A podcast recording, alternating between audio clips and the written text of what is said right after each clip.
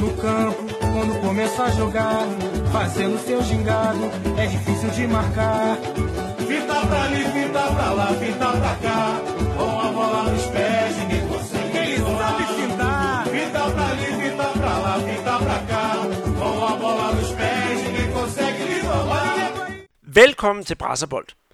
Vi kan ikke komme udenom, at corona har påvirket os alle, og det gælder også i Brasilien. Dagligt vises der nyheder i Danmark om situationen i det store land, og fodbolden er for en tid lagt på hylden hos langt de fleste klubber.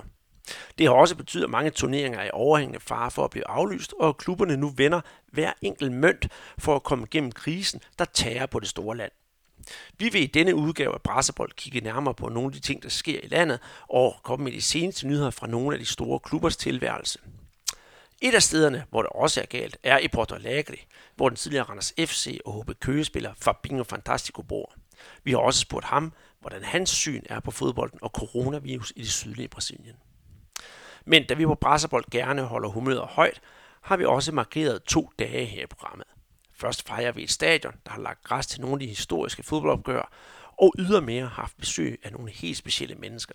Jeg taler selvfølgelig om 70-året for Estadio Mauro Filho, eller Maracanã, som det kaldes i dagligt tale. Og både Peter og jeg har oplevet noget helt specielt på dette legendariske stadion. Til sidst i podcasten, der kigger vi stadigvæk i historiebøgerne, og vi runder stadigvæk det magiske tal 70. Men det er altså 1970, for i dag er søndag, hvor vi optager, at det præcis 50 år siden, at Pala blev verdensmester for tredje gang. Og dermed drømmer vi os tilbage til en tur i Azteca Stadion og Mexico City. Velkommen til Brassebold. Mit navn er Andreas Knudsen, og med en Guadana i hånden sidder jeg ved siden af dig, Peter Arnholdt, med 10.000 km corona-afstand mellem os. Og jeg bliver nødt til at spørge dig allerførst. Øh, vi er jo på vej ud af coronakrisen her hjemme i Danmark, og der bliver åbnet op og så videre. Men hvordan ser det ud nede hos dig i øh, Brasilien? For vi hører jo jævnligt om, hvor ja, frygtelig situationen er i mange af de store byer. Ja, her i Brasilien, der, der buller det løs. Og de seneste tal, ikke, det er jo, der er over 1 million smittede og 50.000 døde. Og det er selvfølgelig voldsomt øh, tal, selvom Brasilien er så stor. Det vil sige, øh, her i mit øh, øh, lokalområde, der er vi ikke så hårdt ramt i, endnu, men vi venter et eller andet sted på, at der kommer en, en, en bølge. Altså det er primært Rio og, og São Paulo, og så er der et par stater mere, der er blevet øh, rigtig øh, hårdt ramt. Øh, men øh, altså, vi fik jo ret hurtigt øh, maskepåbud her i, i Belo Horizonte, og, og skoler og, og masser af andre steder øh, lukket. Og det gør jo så også, at øh, altså min kone for eksempel, hun arbejder på, på hospitalet, ikke? og der er jo også sikkerhed. Altså, hun kommer jo hjem fra arbejde med øh, her mærker på, på kinderne, fordi hun øh, skal have masker på, og sådan beskyttelsesdragter, det, det er noget hårdt noget at arbejde i. Og øh, datter, øh, hun får så fjernundervisning øh, hver eftermiddag, og øh, det fungerer et eller andet sted øh, rigtig godt. Men det betyder så også, at vores øh, podcast frekvens, den er jo gået noget ned, fordi at, øh, med fem timers forskel, så er det jo jeg skal vi sige, den brasilianske eftermiddag og den, den danske aften, der går, går, går ja, hvor det fungerer bedst. Men, øh, men øh, det, det har så kostet lidt på vores podcast frekvens, øh, desværre. Men, men, øh, men ellers så prøver vi jo at få det, det bedste ud af det, og øh, i den tid, de tre måneder, ikke, hvor at, øh, for eksempel min datter har været hjemme, ikke, der, der har vi fået løftet blandt andet hendes engelsk en, en, øh, en hel del, og det er jo, det er positivt nok. Mm, helt bestemt.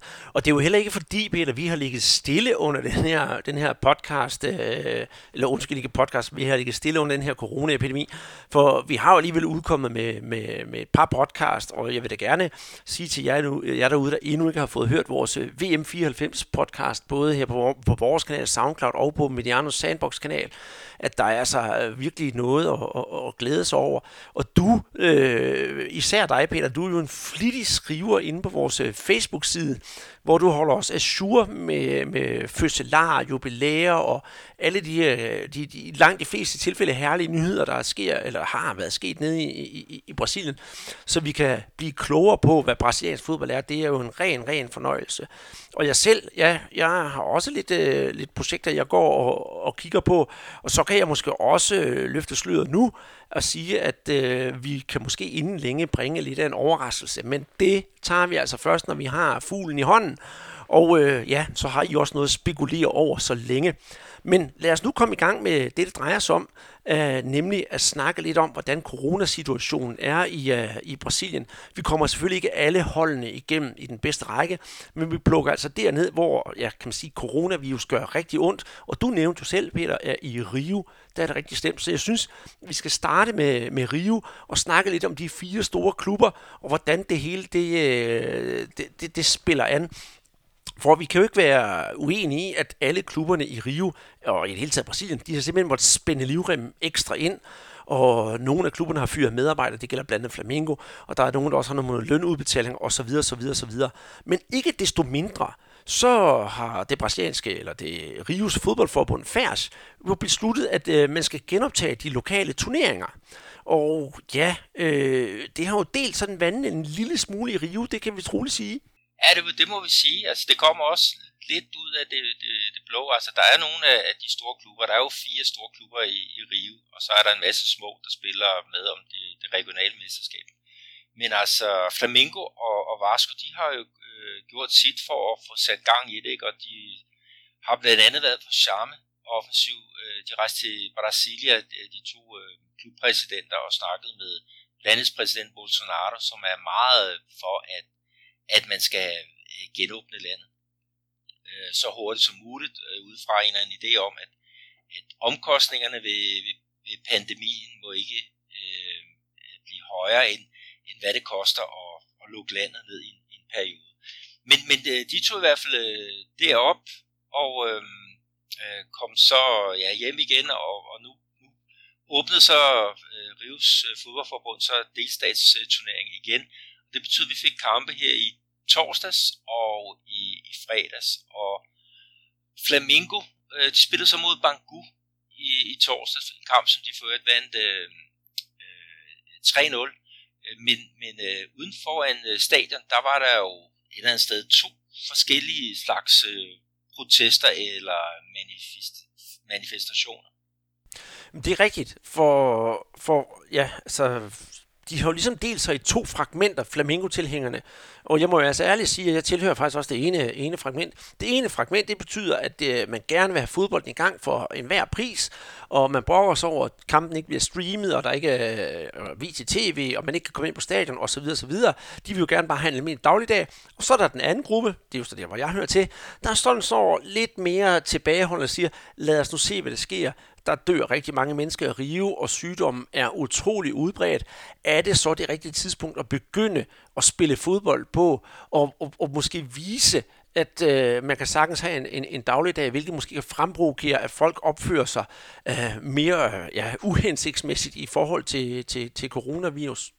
Jamen, det, øh, det er, er rigtigt nok, ikke? Og, og også de der protester, der var, altså for eksempel øh, ude foran Maracanã, der er der en statue af, af Bellini, øh, Øh, anføreren for, for det hold, der vandt VM i, i 1958, ikke? og han blev så påført en, en øh, maske øh, det, det, det, under den her øh, fodbold øh, torsdag. Men, men det betød jo også, at, at øh, et eller andet sted, at, at, at der kom lidt gang i, i sagerne, ikke? Og, og myndighederne i Rio, de greb jo så hurtigt ind, ikke? Og vi fik jo ikke mere end, end de der øh, kampe, den der med, med Flamengo, og så var der jo så om fredagen, så var der Portugesa øh, mod øh, Boa Vista, og så blev der så lukket ned igen, da, da myndighederne øh, greb ind. Og nu venter vi så på, hvad der, hvad der nu sker. Øh, så på den måde var, var dem i Rio, det, dem der kom først ud af, af starthullerne, men de blev godt nok øh, banket tilbage i, i, i hullet igen. Og så må vi så se, hvad der kommer til at ske. Altså indtil videre, så er kampene udsat til øh, den, den 25 øh, juni, men, men om, om øh, det er, er om, det, om de så videre bliver sat i gang, eller om, om det bliver bare udskudt igen, ja, det må, må tiden vise, men det er da i hvert fald et, øh, et, et øh, kæmpe dilemma, altså øh, når vi kommer til at kigge på de andre øh, delstater her øh, undervejs, ikke, så, så må vi sige, at, at Rio er måske dem, der er længst fremme i det at få, få, få sat gang i spillet igen, igen ikke? Men, men igen på, på hvilke øh, præmisser. Øh, det, det er noget, ja, en halvunderlig situation, øh, det der sker i, i, i Rio, øh, synes jeg umiddelbart. Om helt bestemt. Det er sådan lidt, øh, lidt, lidt mudret. hvis vi kigger også på, på din klub, som dem, som du holder med, det er jo, det er jo Vasco. Og de har i hvert fald øh, lidt under det her corona, fordi de er jo presset helt i bund og de har jo haft problemer med at betale løn til deres spillere. Det skal vi altså også sige, det havde de jo lidt i forvejen, men coronakrisen har jo bare gjort det, det endnu værre. Klubben har nu solgt øh, deres angriber Mahoney, og øh, de penge, man har fået til, øh, for, for, for ham, det er cirka 36 millioner kroner, det bruger man til at dække hullet i Vascos lønpengekasse. Men jeg tror bare, øh, Peter, at, at, at det, er jo en, det er jo en stakket frist, fordi der skal jo også betales løn igen for næste måned, og næste måned, og næste måned. Øh, tror du, øh, øh, var Vasco de kommer ud med skinnet på næsen med, med, med, efter den her coronakrise? Ja, det, det det håber jeg selvfølgelig, men, men øh, igen, altså det, nu har de så solgt en angriber Mahoney til uh, Atletico Mineiro, men Atletico Mineiro, de har jo også et kæmpe, øh, kæmpe økonomisk krise, så, så spørgsmålet er, om de overhovedet får, får pengene i kassen øh, for, for det salg, ikke? Og, og hvornår kommer de så? Så der, der er der et kæmpe likviditetsmæssigt øh, problem. Det har der så altid været, det skal der så ikke være nogen undskyldning. Men, men, øh, men, men Vasco er jo en af de klubber, som sammen med de to andre riveklubber, Botafogo og Fluminense, øh, er, er presset på, på økonomien. Altså der kan de jo så kigge misundeligt over på din klub, som er, er de rige, ikke, som nærmest skal købe hele verden, hvis de havde lyst til, til det. Men, men altså, det, de tre andre klubber, de er i, i økonomiske uføre, og, og jeg kan ikke lige se nogen af dem melde ud en, en vej øh, fremover. Øh, altså, hvordan de skal komme ud af det moras. Nej, og det, det, det er jeg enig med dig i, og jeg synes egentlig, at øh, der, der, der er også her måske øh, fodbolden i Rio fejler en smule. Det er, at de fire store klubber ikke har kunne finde et fælles fodfæste, og jeg ved godt, det lyder sådan lidt, øh, lidt, lidt, lidt og idealistisk fra min side, men helt ærligt, der er visse steder, hvor klubberne, har, selvom de er modstandere, har kunne finde ud af at stå lidt sammen og sige, ved hvad vi skal igennem det her på en fælles måde, og så kan vi altså være fjender igen på banen bagefter. Det er ligesom det, man er gået sådan lidt forbi hinanden i, i, i Rio. Øh, for Botafogo's vedkommende, der besluttede man sig at vende tilbage til træning på, på Neutron Santos, altså Ingenieurs, der stadion i sidste uge, men øh, Botafogo's præsident har også været ude at sige, at øh, klubben skal bruge rigtig mange dage på at blive klar, og man tænker på den generelle situation i Rio. Og så selvom man har genoptrædet træningen, så tænker man mere på spillerne og medarbejderne i klubben. Og vi skal også sige, at Botafogo var også en af de her klubber, der var imod at, at, at sætte det hele i gang. Øh, han har været ude at sige de her ting, og det betyder jo også, at nu har de der, som sagt, øh, som du fortalte om, at man har sat pause på kampene i Rio, øh, at Botafogo og, og skulle, skulle spille mod Fluminense, den først skal spille her senere, den skulle faktisk spille mandag den, mandag den, den 22. Men jeg synes, Peter, at øh, lige for Botafogos vedkommende, jeg kan udmærket godt forstå, at de er nervøse for at gå i gang, og, og, og, og har været imod, at man skulle gå i gang, i øh, gang med den her turnering. Men, men de der udmeldinger, der kommer fra Botafogo, det er altså sådan lidt underligt, fordi man går jo i gang med at træne, og man havde på et tidspunkt sagt, at vi nægter simpelthen, og øh, præsidenten har sagt, at vi vil nægte og, og adlyde, hvad der sker. Men så går man alligevel i gang med at træne, og så siger man med den ene hånd, ja, men vi vil gerne, øh, vi vil gerne sikre os, at alt er okay, og vi skal passe på, og så går man alligevel ud og, og, og, og skal træne for at spille en fodboldkamp. Jeg kunne godt mistænke, Botafogos øh, øh, præsident alligevel for, selvfølgelig vil han gerne tage sig af sine, sine mennesker, og dem der er omkring sig og sådan noget der, men øh, han vil nok også gerne i gang, fordi der kan jo tjenes nogle penge på noget tv, noget radio, noget reklame osv. Så, videre.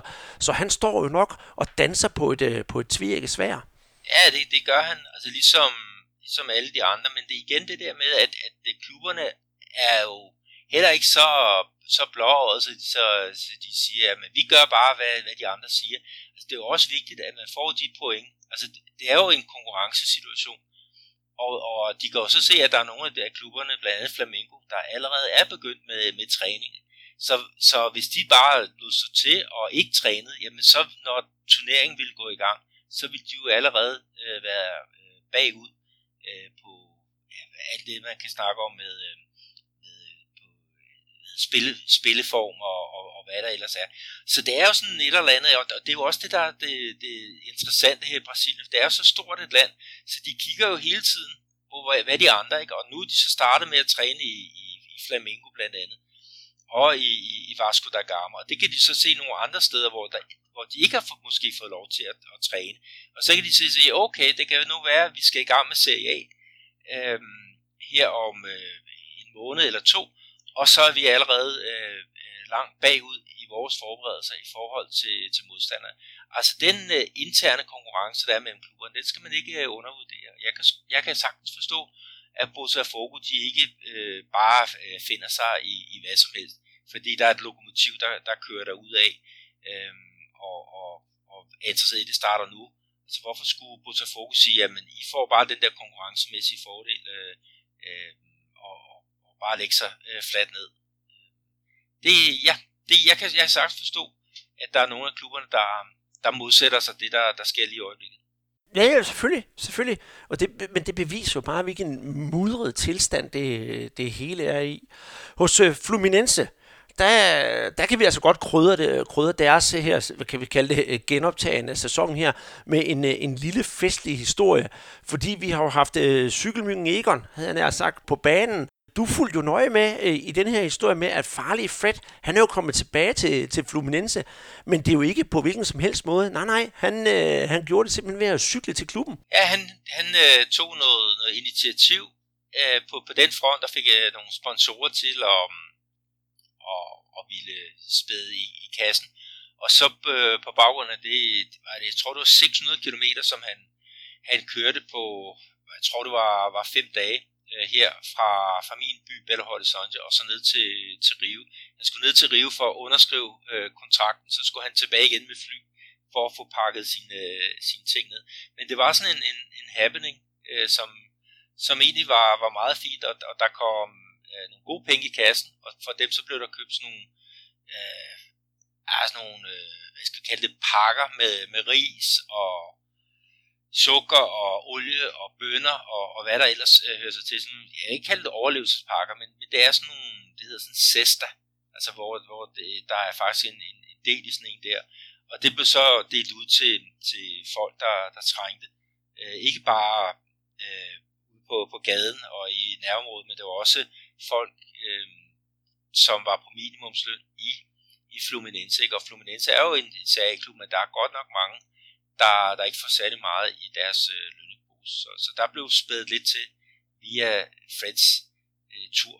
Øh, og så, som vi snakkede om også på, eller skrev om det, ikke? og håber han får, får styr på, på karrieren. Jo, det er jo dejligt. Altså, hvis han kan få, få, få sin karriere lidt tilbage, og så i sit efterår få lov til at spille for Fluminense, som er jo er, er klubben, man kan lide, det vil jo være fantastisk for ham.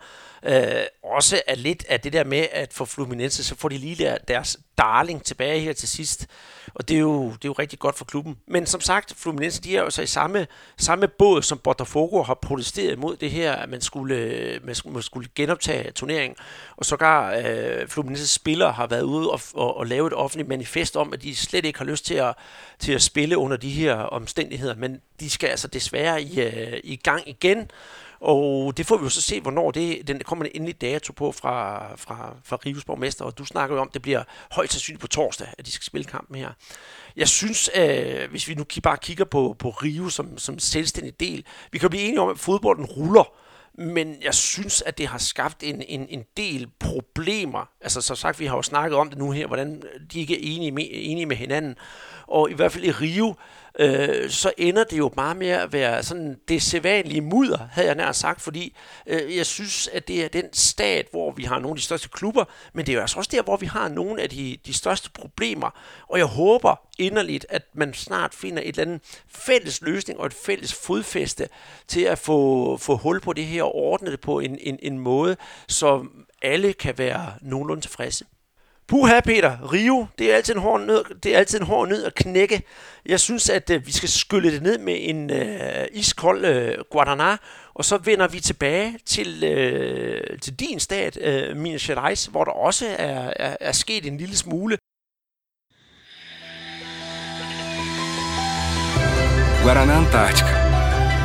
De Maués para as suas mãos. Bora lá! Så har vi fået skyllet halsen med en, øh, med en kold guaraná, og jeg kan sige til jer derude, der hører vores podcast, har I lyst til at købe dem, så er de pt. på tilbud i en større dansk dagligvarekæde. Så det er altså mere at gå ud og finde nogen, og det er endda halvanden liters udgaven, så det kan I roligt glæde sig. Jeg har en del stående i mit køleskab, så jeg altid kan, kan læske dig med dem, eller læske dig med dem. Og øh, det kan du jo også, Peter. Men, øh, men når du så skal ud og købe ind, for eksempel, er det, er det sådan også, at man ligesom herhjemme skulle stå med to meters afstand, og du skal selvfølgelig have maske på, men, øh, men hvordan køber man ind i Brasilien? Det kunne jeg egentlig godt tænke mig at vide. Ja, det minder jo meget om, om det øh, derhjemme. Altså butikkerne er jo så en lille smule anderledes, ikke? Men, men altså et supermarked, ikke, men sådan lige i øjeblikket øh, under det her, så skal du have maske. Altså du kommer ikke ind, hvis du ikke har en, en maske på. Og så når du øh, tager en vogn, så um, skal du først lige øh, sprittes af. Altså så står de med sådan en spray ting og, og, og sørger for håndtaget øh, bliver får lige en tur, ikke? og så får man også lige et par strid på, på hænderne, og så er man så ellers klar til at, at gå ind og køre på, og så er der jo så ved, ved, øh, ved kasserne, så er der jo så nogle, nogle øh, mærker i, i gulvet, således der er de der to, to meters afstand. Og så har de også fået sat sådan en glasplade op, eller plastikplade op, mellem øh, ekspedient øh, og så ud til der, hvor, hvor kunden er. Så de er blevet, de er blevet lidt bedre sikret øh, kassedamerne eller kassemænd øh, ja. Øh, så, så det går øh, fint op. Nu er det så blevet lovligt igen at, at komme ind i mange af, af butikkerne, de almindelige butikker. Der var det tidligere således, at de havde sat sådan en, en snor øh, foran døren, så hvis du skulle stå derude, når vi, når vi skulle printe noget ud, øh, så gik vi hen til den der butik, og så sendte vi øh, med, med e-mail, og så betalte vi ude ved, ved døren, fik det hele overlevet der. Så, så det har været lidt, øh, lidt besværligt, men, øh, men øh, altså, vi, vi finder ud af det. Det er sådan, at vi mennesker, vi er jo skabt på en måde, så vi, vi, vi kan alligevel øh, klare mange øh, ting ved at, at bruge vores hjerne og, og vores omstillingsparathed. Ja, men det lyder lidt som, som, som noget af det, vi har været i gang, øh, eller været færd med herhjemme. Jeg kan jo sige til dig, at du, du følger jo nok også med, hvad der sker i Danmark, at vi er jo åbnet lidt mere op. Og det er på sin vis meget behageligt. Der giver, det giver jo sådan lidt, lidt mere frihed.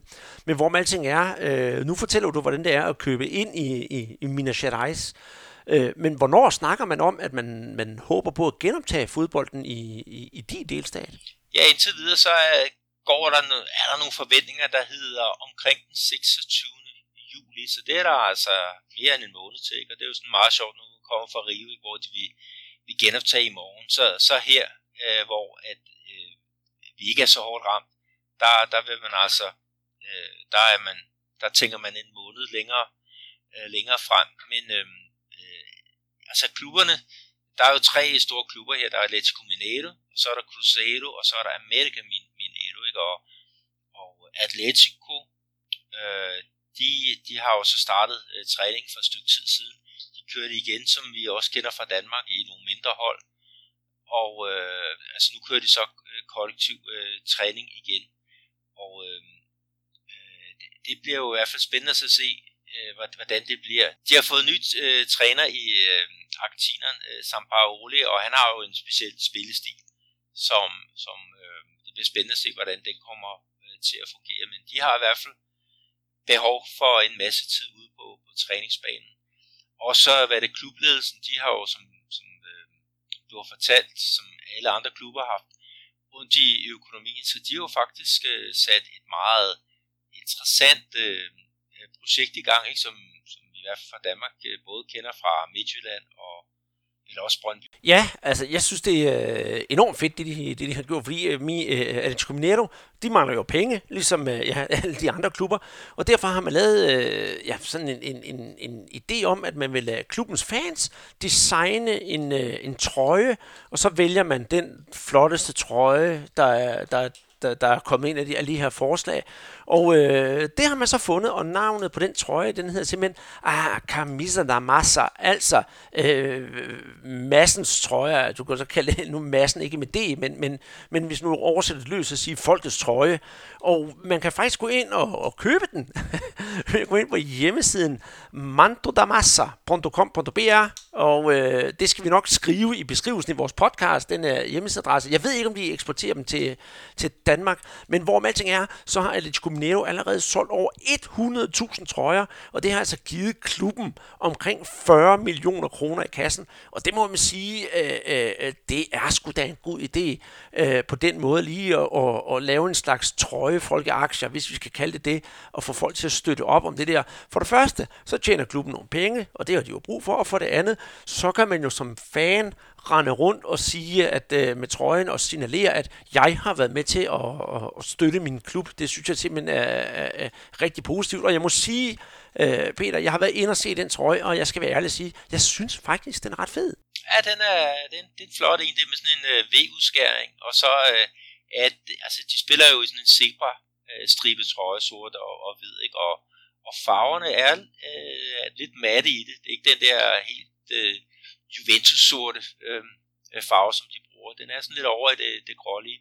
Men jo, helt, helt sikkert en, ja, hvis man har nogle penge til over, så, så put den på en Atletico Mineiro trøje, det, det er slet ikke dumt. Overhovedet ikke. Og nu når vi snakker om trøjer, så kan vi lige vende, vende blikket mod São Paulo, for, ja, for ikke særlig lang tid siden, der var det min tur til at, til at tilføje en, en historie inde på vores Facebook-side, hvor jeg netop skrev om, at uh, São Paulo får spiller sådan en ikonisk, virkelig ikonisk, hvid, sort og rød trøje, den, øh, den var tæt på at, at gå i vasken i tidernes morgen, da klubben den blev stiftet, fordi der var en fjerde klub, som ville have været med, og så skulle den måske have været blå. En meget, meget øh, sjov historie, og sådan lidt øh, brasiliansk fodbold fra en anden vinkel, man kan gå ind og, ind og finde. Men hvor man tænker er, så er det altså de store klubber i São Paulo, det har vi jo Corinthians, Palmeiras, Santos og, og, og, og São Paulo. Øh, ja, de skal jo også øh, i, i, i gang med at, øh, at, at spille igen. Men til gengæld, i modsætning til øh, for eksempel fodboldforbundet i Rio, så har vi fodboldforbundet i São Paulo, FPF som det hedder. De har sagt, at man sætter folks sundhed højst, og der skal være konsensus i, mellem forbundet, klubberne, borgmesterne og guvernøren. De skal altså alle sammen være enige, før man sådan for alvor bestemmer, hvornår man går i gang igen. Men man har altså allerede en dato til, hvornår man snakker om måske at begynde at, på, på træning igen. Ja, det skulle så være 1. juli, øh, men, men øh, indtil videre ikke, så kører klubberne det, deres øh, hjemmetræninger, og øh, også på vores Facebook-side, der har vi et opslag om, hvordan de gør det i Palmeiras. Øh, Palmeiras, altså de er klubben med de der italienske aner, øh, de, de lagde faktisk nogle interessante ting ud, som, som vi så kopierede og, og lagde op, ikke? hvordan man kan se, Øh, spillerne træner derhjemme. Øh, via, jeg tror det er Zoom, ikke, hvor det de fysiske træner så i, ja, på, i, på træningsanlægget i, i São Paulo, hvordan de holder øje med, øh, hvad der sker, og, øh, og det, det, ser jo, det ser jo meget, meget øh, videnskabeligt og, og interessant ud, men, øh, men ikke deres legendariske træner, Vanderlei Luxemburgo, han, han glæder sig til, til, øh, til juli, hvor han så kan få, ja, få, få, få trænet de her. Der, der er faktisk nogle spændende ting med, med Parameters. Han snakker faktisk om øh, at køre med, med fire angriber. Og øh, det, det lyder jo sådan rigtigt øh, brasiliansk, ligesom i, i de gode gamle dage. det, det må man nok sige, men øh, vi får lov til at vente lidt endnu, og ved du hvad, skal jeg være ærlig og komme med min personlige holdning, så synes jeg faktisk, det er en rigtig, rigtig god idé, at øh, St. Paulus fodboldforbund, de netop har stukket fingrene i jorden og sagt, at vi skal være enige, før vi, øh, før vi sætter gang i noget. Men øh, Peter, nu skal vi sådan set overlade banen til, øh, til, til, en, øh, til en, rigtig, en rigtig fodboldspiller, nemlig øh, Fabinho Fantastico. For jeg tænkte, da vi skulle i gang med at lave den her podcast om, om coronavirus, så kunne det være rart at vide, hvordan hans syn er på, på, på fodbolden i Rio Grande do Sul, altså i Porto Alegre, i det sydligste Brasilien, hvor, hvor han bor. For han har jo selv en, øh, en fodboldskole og har fingeren på pulsen, fordi han er jo en kæmpe, kæmpe stor øh, fan af, af International. Så hvis I lige hænger med her de næste ja, øh, 10 minutters tid, så kan I høre, hvordan øh, Fabinho Fantastico med sit fremragende danske sprog, det vil jeg altså sige, det skal han have ros for, øh, fortæller jer, hvordan øh, tingene er for ham nede i det, det, det sydlige Brasilien. Og øh, I kan roligt glæde jer, fordi der bliver ikke lagt fingre imellem med, med noget som helst. Vi kan vist også sige, at øh, han har i hvert fald en god politisk holdning på, på, på tingene, så den kommer i hvert fald også frem. Overvejende udskiftning. God aflevering fra Søren Petersen til Fabinho. Så skal til afsluttet bag og gemmer sig. Oh! Scoring! Fabinho! Og de kaster sig en kul i græsset, FCK-spillerne. Det køligt det her. Og det her, det er altså virkelig en mand, der sætter smag på tilværelsen her i Randers, for det han har vist så mange gange. Hej Fabinho, det er dejligt, du har lyst til at være med i øh, podcasten. Har du lyst til at fortælle os lidt om, hvad, hvad, hvad, hvad sker der i, øh, i, i Porto Alegre i dagligdagen, og, og bliver der snakket fodbold og sådan noget her under, under coronakrisen? Hej min ven. Her i Porto Alegre i Rio Grande do Sul, vi har det lidt bedre, når du tænker på alle Brasilien, hvordan de andre har Uh, fordi da, da virus kom til Brasilien, vi lukkede alle ting her. Vi lukkede med det samme her i Rio Grande do Sul. Folk tog hjem, bar, restaurant, shopping center, alle de ting blev lukket med det samme, så folk kunne ikke komme, komme ud. Uh, mig for eksempel, jeg er, jeg er 70 dage inde hjem, og kan ikke komme ud. Nu begynder stille og roligt kom i gang igen. Stille og roligt. Uh, fodbold, Grêmio, Grêmio og, og, og Internacional, de begynder også med træning stille og roligt. Ikke de træner for eksempel uh, hver seks spillere træner sammen. Så når de tager hjem, så kommer, så kommer uh, forskellige seks spillere igen så kan alle sammen træne, men de træner ikke sammen. De træner, de træner kun fysik. Ikke noget med bold, ikke nogen sammen. De kan ikke stå sammen. De står seks mænd på en stor bane, ikke? og de holder ikke sammen på grund af, af. Men de begynder nu meget, meget stille og roligt. På grund af, de mister mange sponsorer. De mange, mange folk, som betaler ikke hver måned til klubben. Og de kan ikke holde, de kan ikke holde fast med, med, med uden fodbold, fordi de går, de går på konkurs. Her i Porto Alegre, i, i Rio Grande i, i Porto Alegre, Grêmio Internacional begynder med træning, med træning. Men de de små klubber i Rio Grande do Sul, de, de, de, de er ikke startet nu. De er ikke startet nu, fordi på grund af, at de har ikke nogen penge til at lave test med spillerne. De har ikke nogen de har ikke nogen penge til at betale test til at lave med folk, som arbejder i klubben. Det, det er lidt svært nu at komme i gang. Men uh, de siger her i Brasília, i Rio Grande do Sul, at måske næste måned alle sammen begynder med at træne, og så om to de begynder til at spille her, kun inde i Rio Grande do Sul er lidt bedre, når du, når du tænker på coronavirus, når du tænker om hvordan de har i alle steder her i Brasilien. Fordi her vi har gjort fra start af alle tingene korrekt. Det er derfor, vi kan nu at komme i gang med alle de tingene. Men hvis folk begynder at, at, at uh, gå på hospital, hvis folk begynder at blive syge igen, så vi skal lukke igen med det samme. Så den har vi her i Rio Grande do Sul, specielt her i Porto Alegre. Mange klubber har taget nogle drastiske tiltag, for eksempel med løn i forhold til spillere, personale osv. Hvordan har man gjort det i øh, Grêmio og Internacional?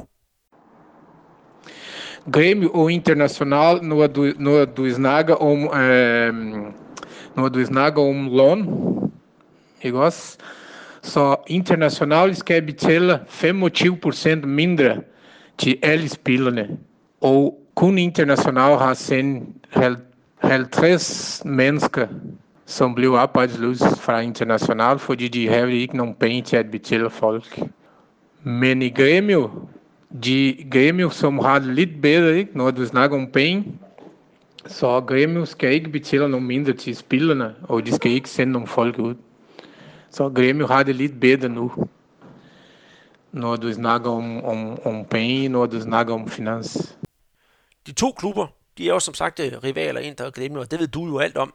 Men, øh, men har det hjulpet at gøre klubberne noget sammen for at hjælpe i den her svære tid? Og er man så i stand til at sætte rivaliseringen en smule til side? Når du taler om, når du snakker om, om Grêmio og Internacional, de står meget sammen nu de har Grêmio Internacional som en enda firma, de har lavet, de har lavet en, en lille hospital her i, i, i Porto Alegre, og der er mange fodboldspillere, der er også træner, som, som, som hjælper med penge til, til at købe mad til de, de fede mennesker. Og så de hjælper med, med mange ting. De, de er rigtig sjov på den måde, at, at Grêmio og Inter står sammen, når vi har en, når vi har en, en rigtig dårlig tidspunkt, når vi snakker om, om virus, når, når, vi har, når, når vi snakker om, om alle de ting, som sker nu i, i verden. Ikke? Men de, de står sammen. De, de, de arbejder rigtig godt sammen nu. Og hvad så med de små klubber? Vil vi se mange konkurser efter epidemien?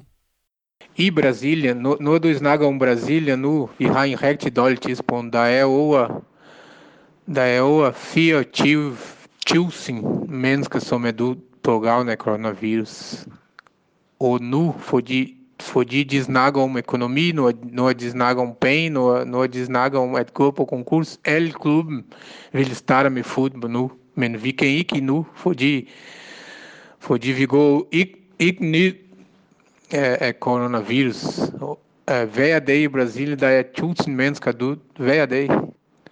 Vi har dårligt nu. Så alle klubberne tænker på at komme i gang med at spille fodbold. Og så her i Rio Grande do Sul, de skal begynde stille hul. Måske andre, uh, andre steder skal begynde stille hul.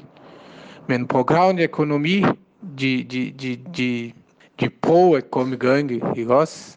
De prøver at begynde med, med træne og, og, og turnering, men uh, det, det er lidt svært nu, fordi, fordi virus er her i Brasilien nu, ikke, vi kan ikke starte med fodbold. Fodbold nu, det er de sidste ting, vi skal tænke på. Men selvfølgelig, selvfølgelig de, de, er mange lille gå på konkurs. Og, og der er også uh, mange store klubber, som skal gå på konkurs, hvis de, de ikke begynder nu. Fordi der er mange klubber, som, som mister sponsorer, som, som får ikke nogen penge i kasse lige nu. De mister, de mister rigtig mange penge. Og, klubben, og, og alle de klubber her i Brasília, der er ikke så mange penge. Hvis Flamengo, som har, ikke, som har så mange penge, ikke også? Flamengo vil begynde nu med det samme. Flamengo kommer imod de alle de regler, de har i Rio de Janeiro, men de begynder, fordi de, de, fordi de mister så mange penge. Her til sidst vil jeg gerne høre dig, for jeg ved, at fodbold jo normalt fylder utrolig meget i Brasilien, og er noget, man snakker om hver evig eneste dag. Men hvordan er det reelt nede hos, hos dig, og hvordan synes du, det er i, i Brasilien? Er der stadigvæk tid til at snakke fodbold i de her frygtelig svære tider i Brasilien? Folk her i Brasilien, de, de sidste ting, de tænker nu, det er fodbold. Det sidste ting. Fordi der folk, der har ikke nogen penge, de kommer ikke på stadion, hvis, hvis, hvis fodbold begynder nu. Folk kommer ikke til stadion til at se kampen. Folk er bange, fordi virus er i Brasilien stadigvæk, og der er mange, som er død hver dag. Der er mange, som mister sit liv hver dag i Brasilien. Tusind mennesker om dagen. Så de kan, vi kan ikke tænke om fodbold lige nu. Men på grund af klubben begynder at på konkurs, så den som, som, som, den som arbejder med fodbold, de tænker komme i gang, men det er lidt svært nu. Og så når du tænker på en Brasilien turné, når du tænker på Libertadores i Amerika, eh, jeg ved det ikke, måske om fire måneder, fem måneder.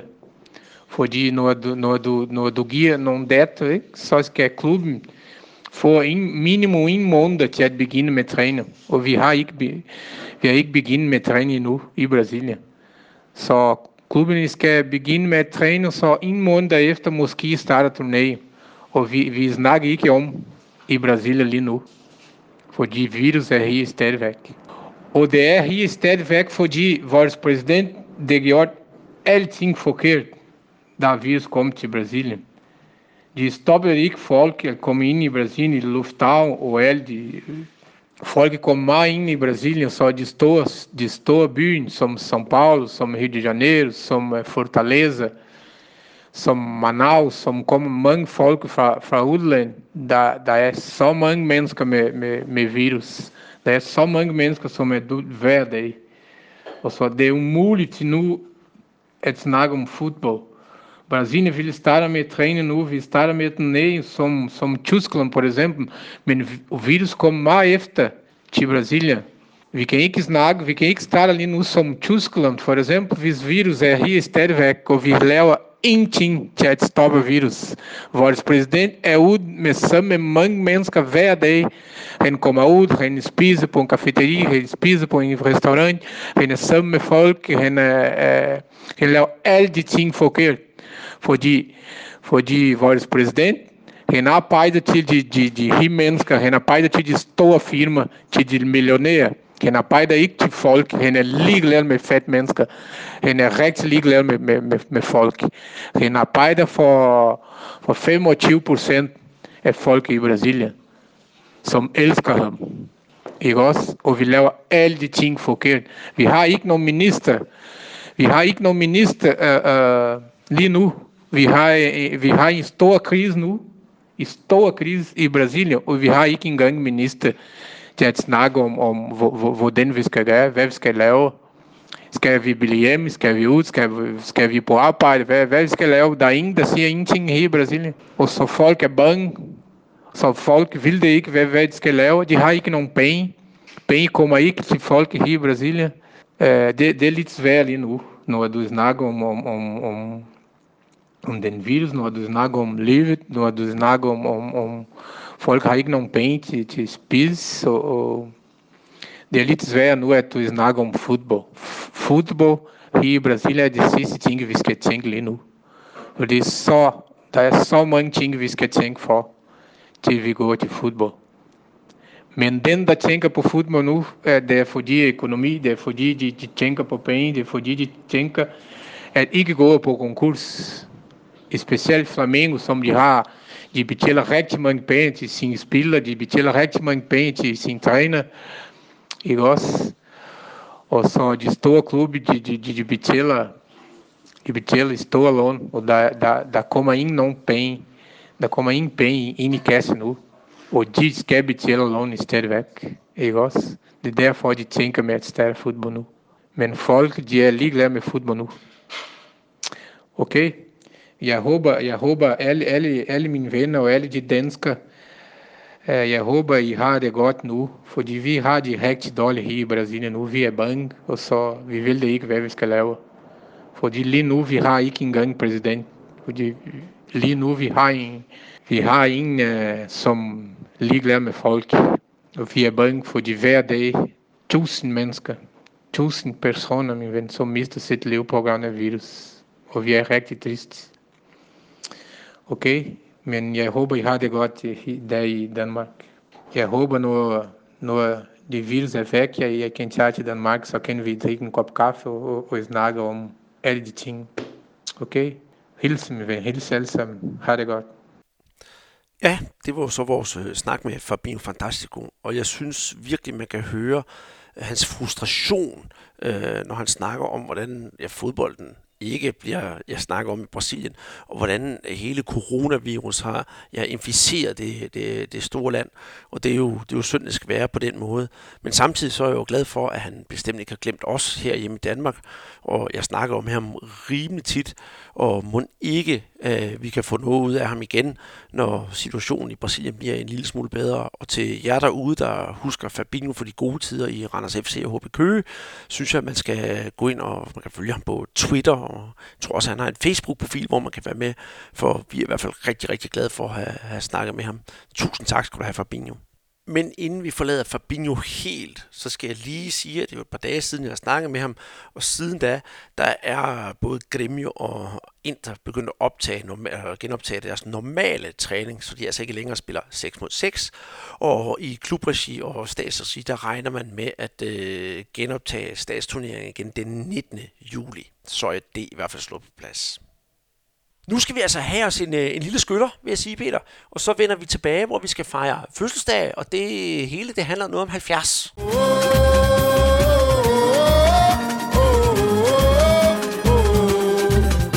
Domingo, eu vou ao Maracanã.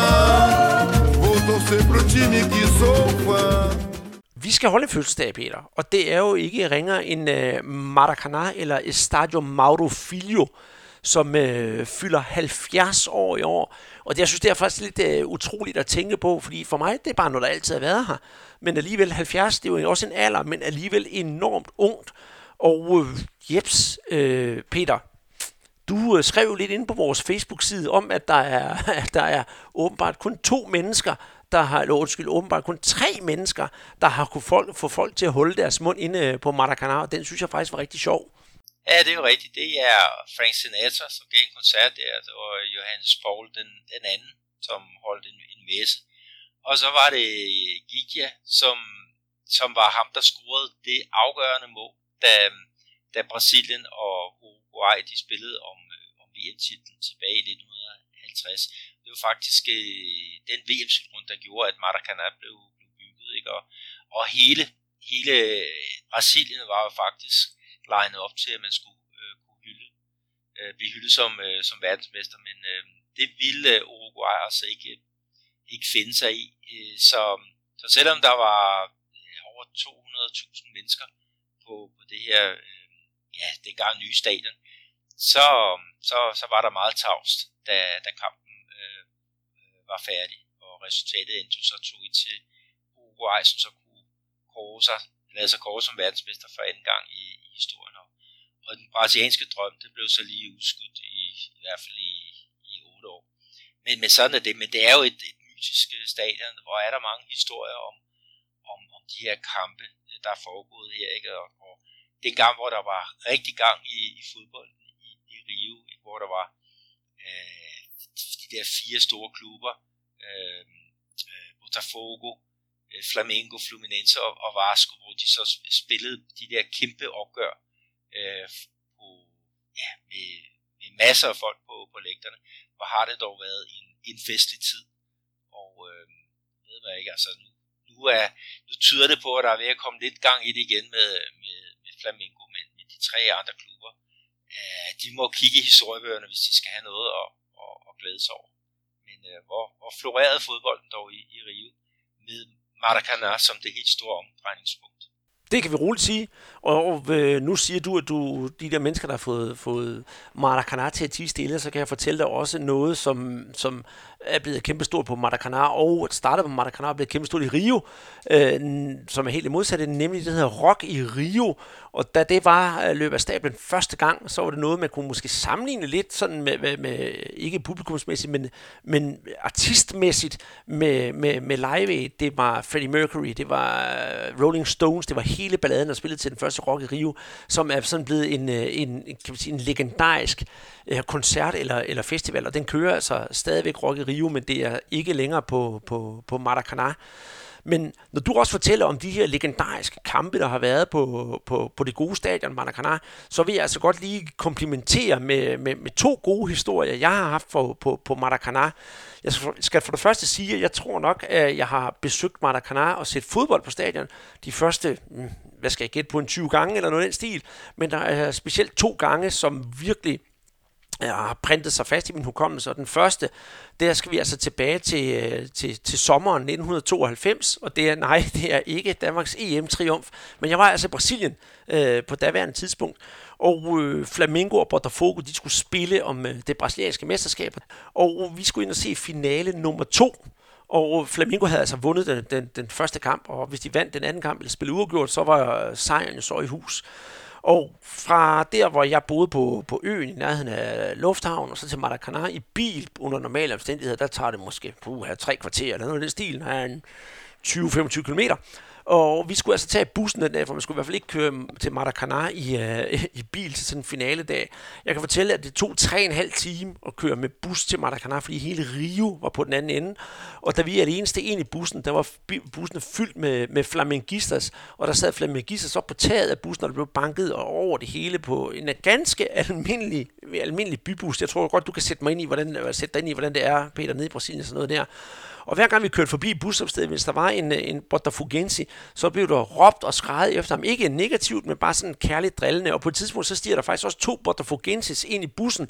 Og de begge to, de fik altså lov til at betale de der to og en halv, hvor meget busbillet kostede, fordi både chaufføren og Trocadoren, det, det, det er ham, der sidder bagerst i bussen, tager mod penge, de havde flamingotøj på, så derfor skulle de betale. Men alle os, der kom og havde flamingotøj på, vi kørte altså gratis med bussen. Så der kan man altså forestille sig, hvordan en by er på den anden ende til sådan en, en fodboldkamp.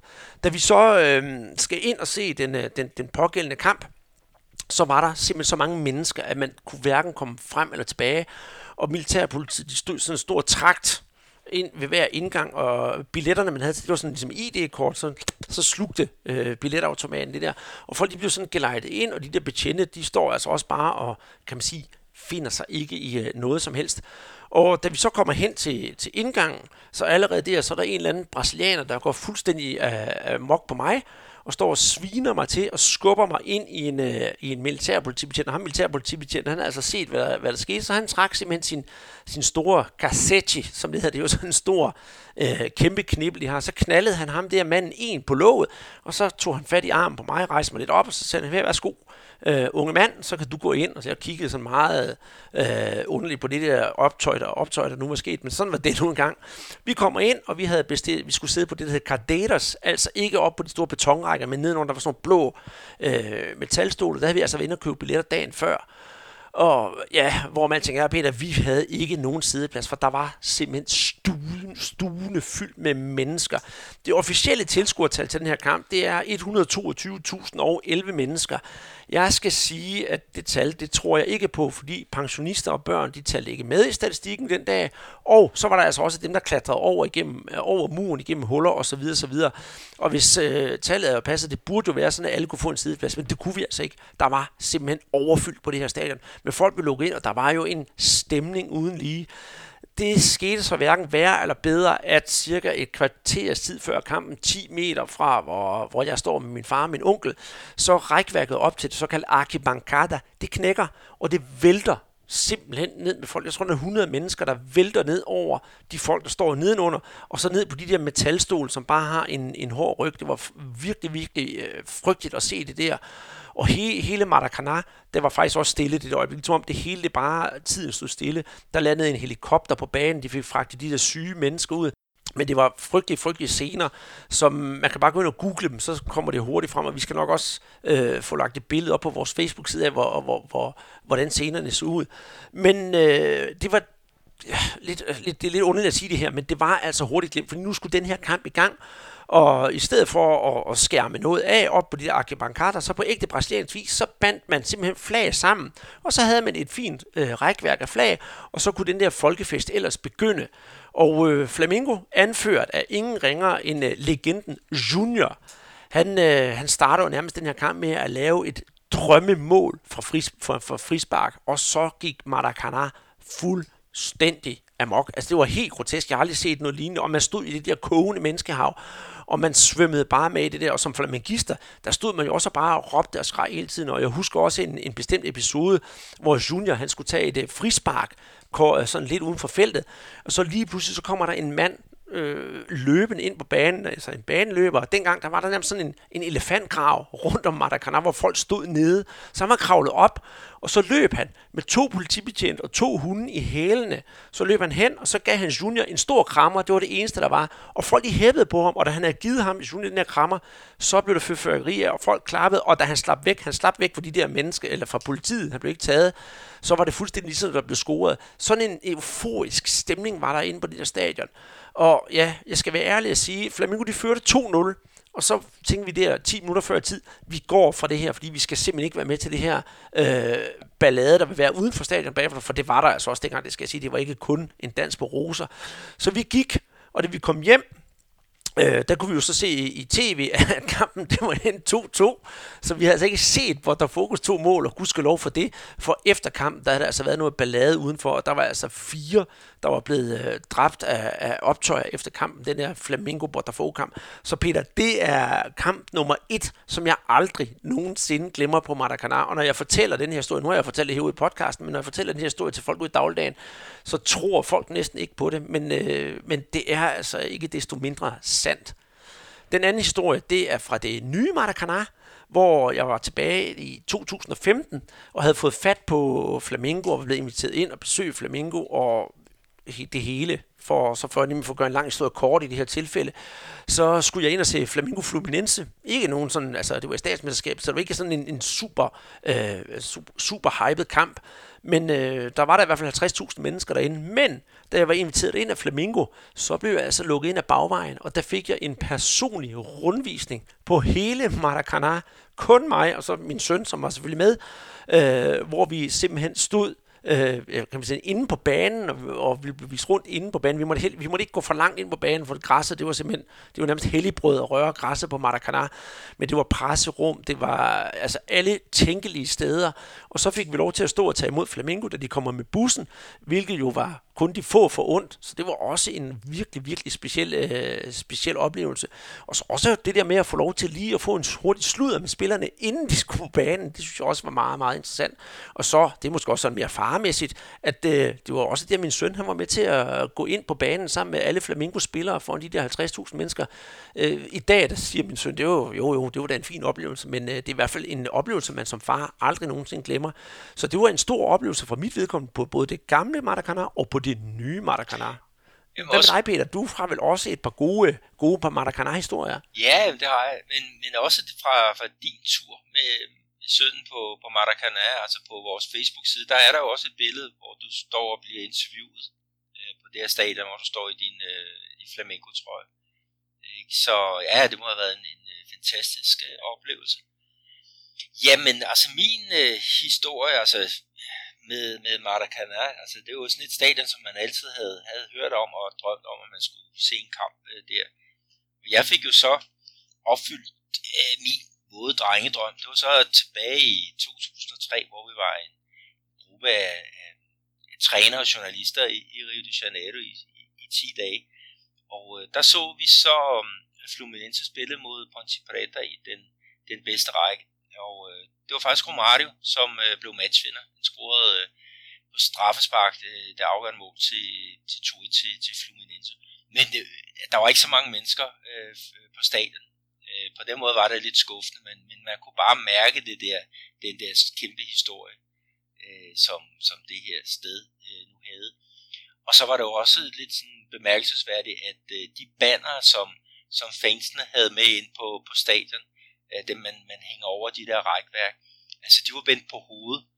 Og det, det var i protest mod øh, Fluminense, øh, og den, øh, at, at den måde de spillede på, øh, med, ja, hvor resultaterne udblev, og de kæmpede faktisk om at, at undgå nedrykning. De har været nede i, i den næstbedste, og så gav også den tredje bedste række af Fluminense. Nu, nu er de så heldigvis oppe i, igen. Men, men det her, det var sådan den, den første øh, tur på, på Maracana. Øh, fantastisk oplevelse.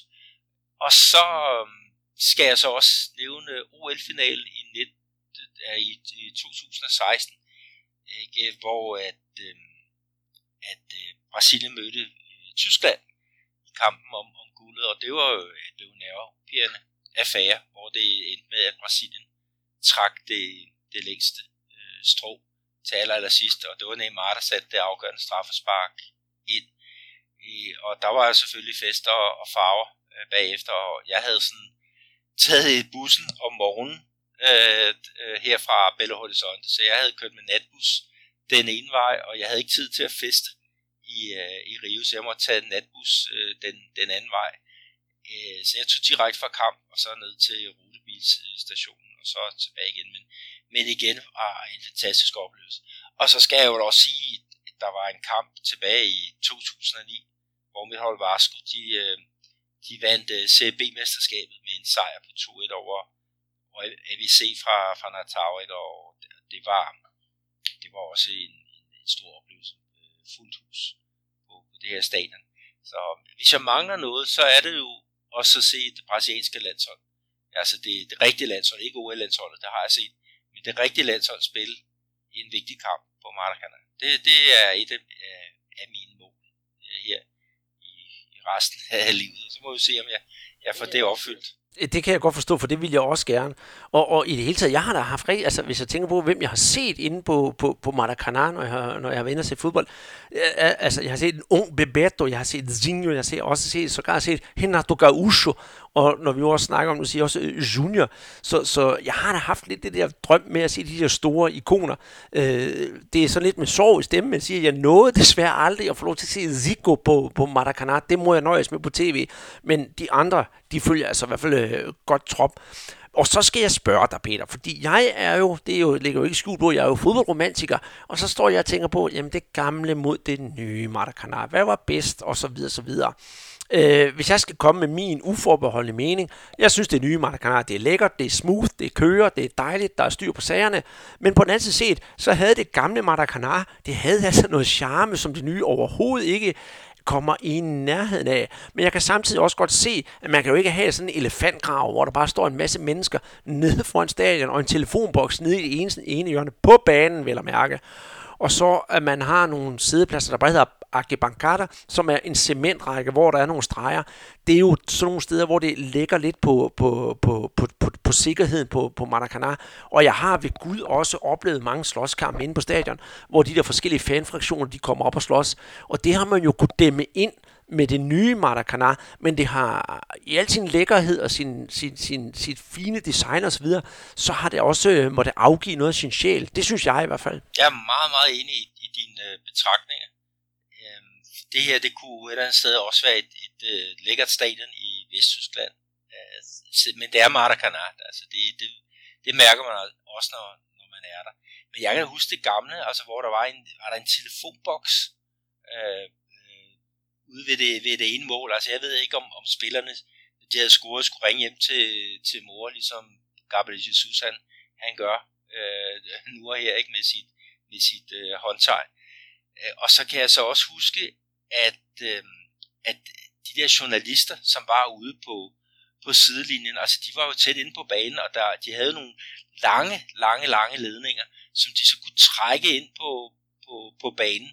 Og når vi ser nogle af de der gamle billeder, blandt andet fra da Pelé han scorede sit mål nummer 1000, han bliver jo simpelthen overfaldet inde i, i målet, ikke? da han, øh, det var et straffespark, han puttede ind for Santos mod, øh, mod Vasco. Og så er han jo inde og samlet bolden op, og så strømmer det jo bare med, med de her journalister og med, med mega lange ledninger øh, ind og kameraer til at, at filme det der historiske øh, øjeblik. Det, det er jo sindssygt, og det kan jo slet ikke lade sig gøre i, i i dagens øh, fodbold, men var, der, var det et eller andet sted dejligt hysterisk og, og charmerende. Så ja, altså, jeg vil også give, øh, øh, jeg vil, hvis jeg havde 10 stemmer, så ville jeg lægge øh, 8 i hatten på, på det gamle Maracanã, og så måtte det sidste det nye få, få to. Men jeg elsker at komme der stadigvæk. Ja, men øh, jeg, jeg, jeg er også enig med dig. Og jeg mener faktisk også, jeg ved ikke om du på den tur, du var på, med, hvor Andreas Kravl, han også var med at udtale sig om hans første gang, hvor han var imponeret over, hvordan øh, journalisterne nærmest løb ind og skulle interviewe spillerne, mens de var ved at blive skiftet ud. Altså den der rigtig brasilianske måde der. Så, så, så det, det, det ligger fint i tråd med de der lange ledninger. Og jeg kan også godt huske på det gamle Maracanã, der kunne man gå hele vejen rundt op i toppen af, af, af Maracanã. Og det er jo svaret til, at hvis man gik hele vejen rundt, så fik du en gåtur på lidt over en kilometer. Og jeg kan huske, at det oppe bagved, der kørte altid en ambulance rundt, så hvis der var nogen kom galt afsted, så, så var der en ambulance klar. Og det er jo øh, simpelthen fantastisk. Men, men gå ind og læs om det der gamle Maracanã, for det er altså et, et, et, et mytisk stadion, som jo er opkaldt efter, det hedder Estadio Mauro Filho, og Mauro Filho var altså en uh, legendarisk sportsjournalist i, uh, i Brasilien. Og så skal vi jo selvfølgelig også sige, at det blev bygget til øh, øh, VM i 1950, hvor Brasilien som sagt var på i hjemmebane og der gik det jo ikke så godt. Men det må vi altså tage en anden gang. For nu skal vi altså snakke om en, et tidspunkt, hvor det gik rigtig godt. Og her er det jo stadigvæk 70. omdrejningspunktet. Netop 1970, Peter. For vi optager her i dag søndag aften. Og det er jo årsdagen for Brasiliens tredje VM-triumf i 1900, altså og det er jo årsdagen for Brasiliens tredje VM-triumf i Mexico i 1970. Og der er jo mange, der mener, at øh, det var måske det bedste brasilianske, i det hele taget det bedste landshold, man har set i, øh, i, igennem historien. Men jeg kommer måske også til at tænke på, at øh, en af grundene til, at man kommer med sådan et flot postulat, for det må vi jo sige, det er, det er, at øh, VM 1970, det var jo det første VM, som blev transmitteret live, direkte altså til hele verden, og på den måde måske også var med til at skabe en helt ny, kan man sige, myte om, øh, om, om VM i fodbold.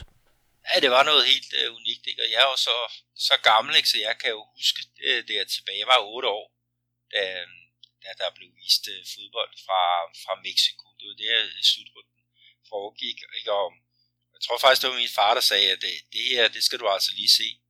Øh, jeg, var, jeg var helt bidt af en fodbold på, på det tidspunkt, ikke? og jeg havde Chelsea som mit favorithold. Ikke? Men, men øhm, øh, der i, i 1970, der, der blev jeg bare bit af, af den der brasilianske øh, baksille. Øh, for var, hvor var det dog et fremragende hold, øh, som, som de havde. Øh, med, altså, du, du nævnte også indledning med hvad det, Pelé blandt andet, ikke? og der var jo også hvad det, Rivellino, der var øh, Jairzinho, øh, der var Tostown, der var Gerson, altså, jeg kan jo nærmest nævne dem, dem alle sammen. Altså det var et øh, unikt hold, og øh, hvis det ikke var det bedste, så er det i hvert fald et af de, de tre bedste øh, landshold øh, gennem, gennem tiderne til at, at vinde et, et øh, VM. Øh, og det var igen altså på den tid, der var vi jo vant til at se kick and rush om, om lørdagen i vintermånederne fra, fra England, ikke? og så kom der jo det her hold, der spillede en anden form for fodbold, meget mere teknisk, og også det der med, at det var jo folk med, hvad skal vi kalde det, forskellige raser. Det var jo folk øh, med afro-baggrund, det var folk med europæisk italiener baggrund, det var blandinger af alle mulige, øh, og det var jo også en farverig omgang fodbold, som, øh, som de leverede. Øh, øh, Rivellino med hans, øh, hans øh, tordenskud, atomsparket, som det blev, blev kaldt, ikke? Øh, øh, hvad hedder det, Jairzinho, ikke? med hans eksplosivitet, hans, hans målfarlighed, ikke? og så var der jo den intelligente øh, touchdown, der, der lå op foran og, og flyttede rundt på, på modstandernes hold. Altså, de scorede, jeg tror, det var 19 mål i, i 6 kampe. Altså, de var helt umulige at, og, og, hvad hedder det, og, og dække op for. Og, og sådan som, altså nu har vi jo under den her coronakrise, der har vi jo snakket meget om, hvad der skete tidligere. Og der er en af de ting, som mange folk snakker om, det er jo det der med, at de fik jo sat et hold, hvor der var fem spillere, som til daglig hjemme i klubben bar nummer 10. Ikke? Og nummer 10, det er jo det der prestigefyldte nummer, men det indbærer jo også en masse egoer. Ikke? Men, men øh, den her træner, øh, Mario Lobo Sagalo, han øh, fik på relativt kort tid, han, han overtog det, øh, inden, lige inden VM, der var nogle problemer med den daværende træner Saldana, som var, var kommunist og meget temperamentsfuld øh, fyr, og han havde også lagt sig ud med Pelé, blandt andet. Han sagde, at han var overvægtig, så han så i tvivl om, Pelé overhovedet skulle være med til, til VM. Øh, han endte med at blive fyret, og så trak de så en relativt ung træner ind, Zagallo, der havde vundet VM i 58 og 62, og han fik så sat det her hold sammen, som den dag i dag, når du spørger folk, som kender til, til fodbold, og som også er historisk interesseret, så siger de, at rent taktisk, så var de altså langt over det, som, øh, som andre øh, lande kunne præstere på, på det tidspunkt. Og det var jo blandt andet den der lille snurev, Zagalos øh, skyld. Selvfølgelig også med nogle, nogle spillere, der kunne, kunne, kunne mestre deres Tostau. Han er jo uddannet læge. Øh, han lå derop og, og regnede ud, hvordan man nu skulle øh, øh, hvad hedder det, bryde igennem modstanderens øh, forsvar.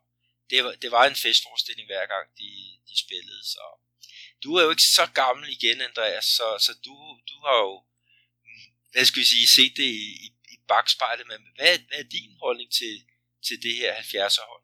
Mit indtryk af det er, som sagt, jeg har, jo ikke, jeg har jo ikke set det, men det er lidt som du siger, det, når man sidder og læser den der navneliste igennem, så siger man, hold det op, øh, af, det vil jeg egentlig gerne have oplevet, og det, det kan man jo heldigvis en gang imellem på tv, og på YouTube og diverse steder, og det er jo, øh, frygtelig smuk fodbold, der bliver spillet, og det er organiseret, og det er bare noget, der sidder så skarpt. Så, så de der mål, de sidder alligevel skarpt i min hukommelse, og det er jo, det er jo kan man også sige, Øh, Øh, øh jeg ved godt, 1958, der vandt Brasilien også, 1962, der vandt Brasilien også med Pelé og Garrincha og sådan noget. Men jeg synes øh, sådan set lidt udefra, at det er 1970, der ligesom øh, øh for alvor sætter Brasilien på det evige, kan man sige, flotte øh, fodboldverdenskort.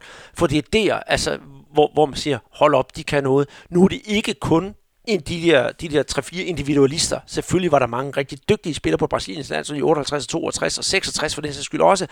Men det er her, hvor man endelig får defineret, hvad brasiliansk fodbold er, og det der jogo bonito, ikke også? Og så fortsatte det jo, måske med knap så meget held deroppe i løbet af 70'erne, men så vender det jo tilbage det er 82 og 86, for når man ser på de hold, så bliver der stadigvæk snak om 1970, så det hele, det kører altså i sådan en rigtig, rigtig smuk ring og sådan en cirkel, og hver gang der kommer noget nyt, så bliver der bliver snakket 1970, og det bliver snakket 1982, og så videre, og så videre, og så videre. Så jeg synes bare, at det er en, en, en fodbold, et fodbold-VM, som vi overhovedet ikke kan komme udenom, og vi heller ikke skal glemme, når man ser alle de der fodbold-VM, der nu er spillet i, øh, igennem tiden. Nej, det var en, en, en, en helt anden tid, ikke? og der var også det der, vi snakker om øh, med, med, med Pelé, som var, var kongen. Altså allerede inden slutrunden, der var han jo verdens bedste fodboldspiller. Men, men her med det her tredje VM, ikke, så, så satte han jo tyk streg over, at det er ham, der, der er øverst på den her rangliste. Og det kan godt være, at der er nogen, der synes, at Maradona var en, øh, en øh, rigtig øh, dygtig spiller. Det var han da også, men, men slet ikke op i, i nærheden af, af, af Pelé øh, i min øh, optik. Og, og der er også noget andet, som, som vi skal tænke på, det er ikke, det var det, det, det sidste mål, det til, til 4-1 Uh, det, det er der mange, der mener er det bedste mål nogensinde i øh, uh, VM-historien. Ikke? Og det er altså otte brasilianske spillere, som, som rører bolden. En af den, den ligger i, i nettet bag øh, uh, den italienske målmand Albert Dosi.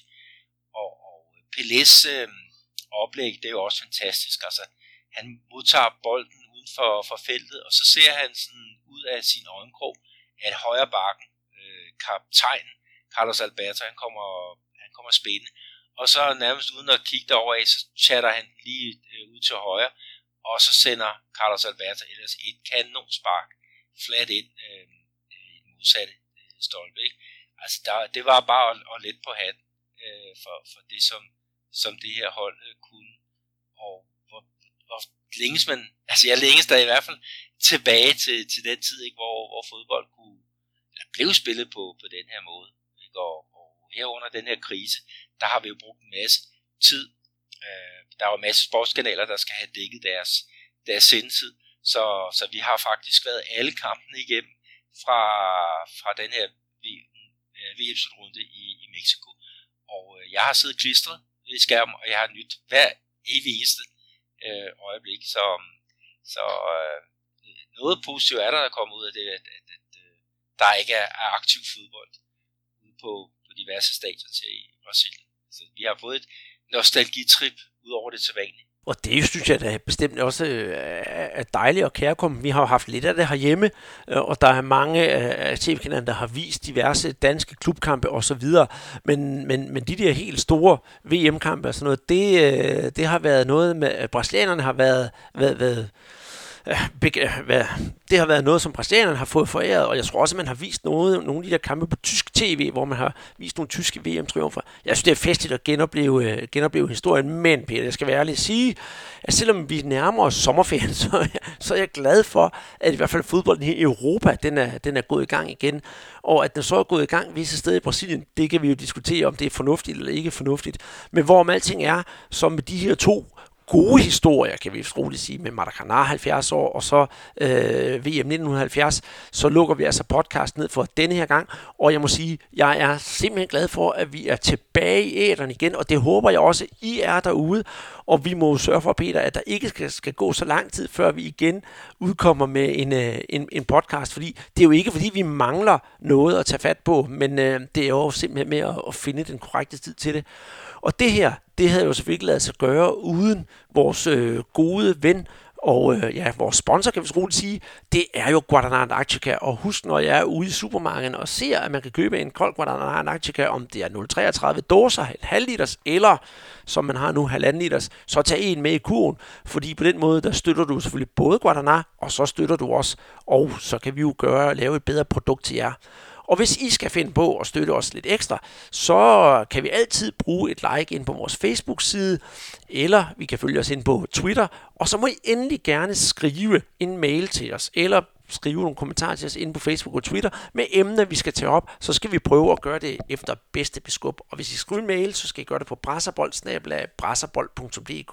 Og med det siger jeg, Andreas Knudsen og Peter Arnhold i Brasilien, tusind tak for denne gang.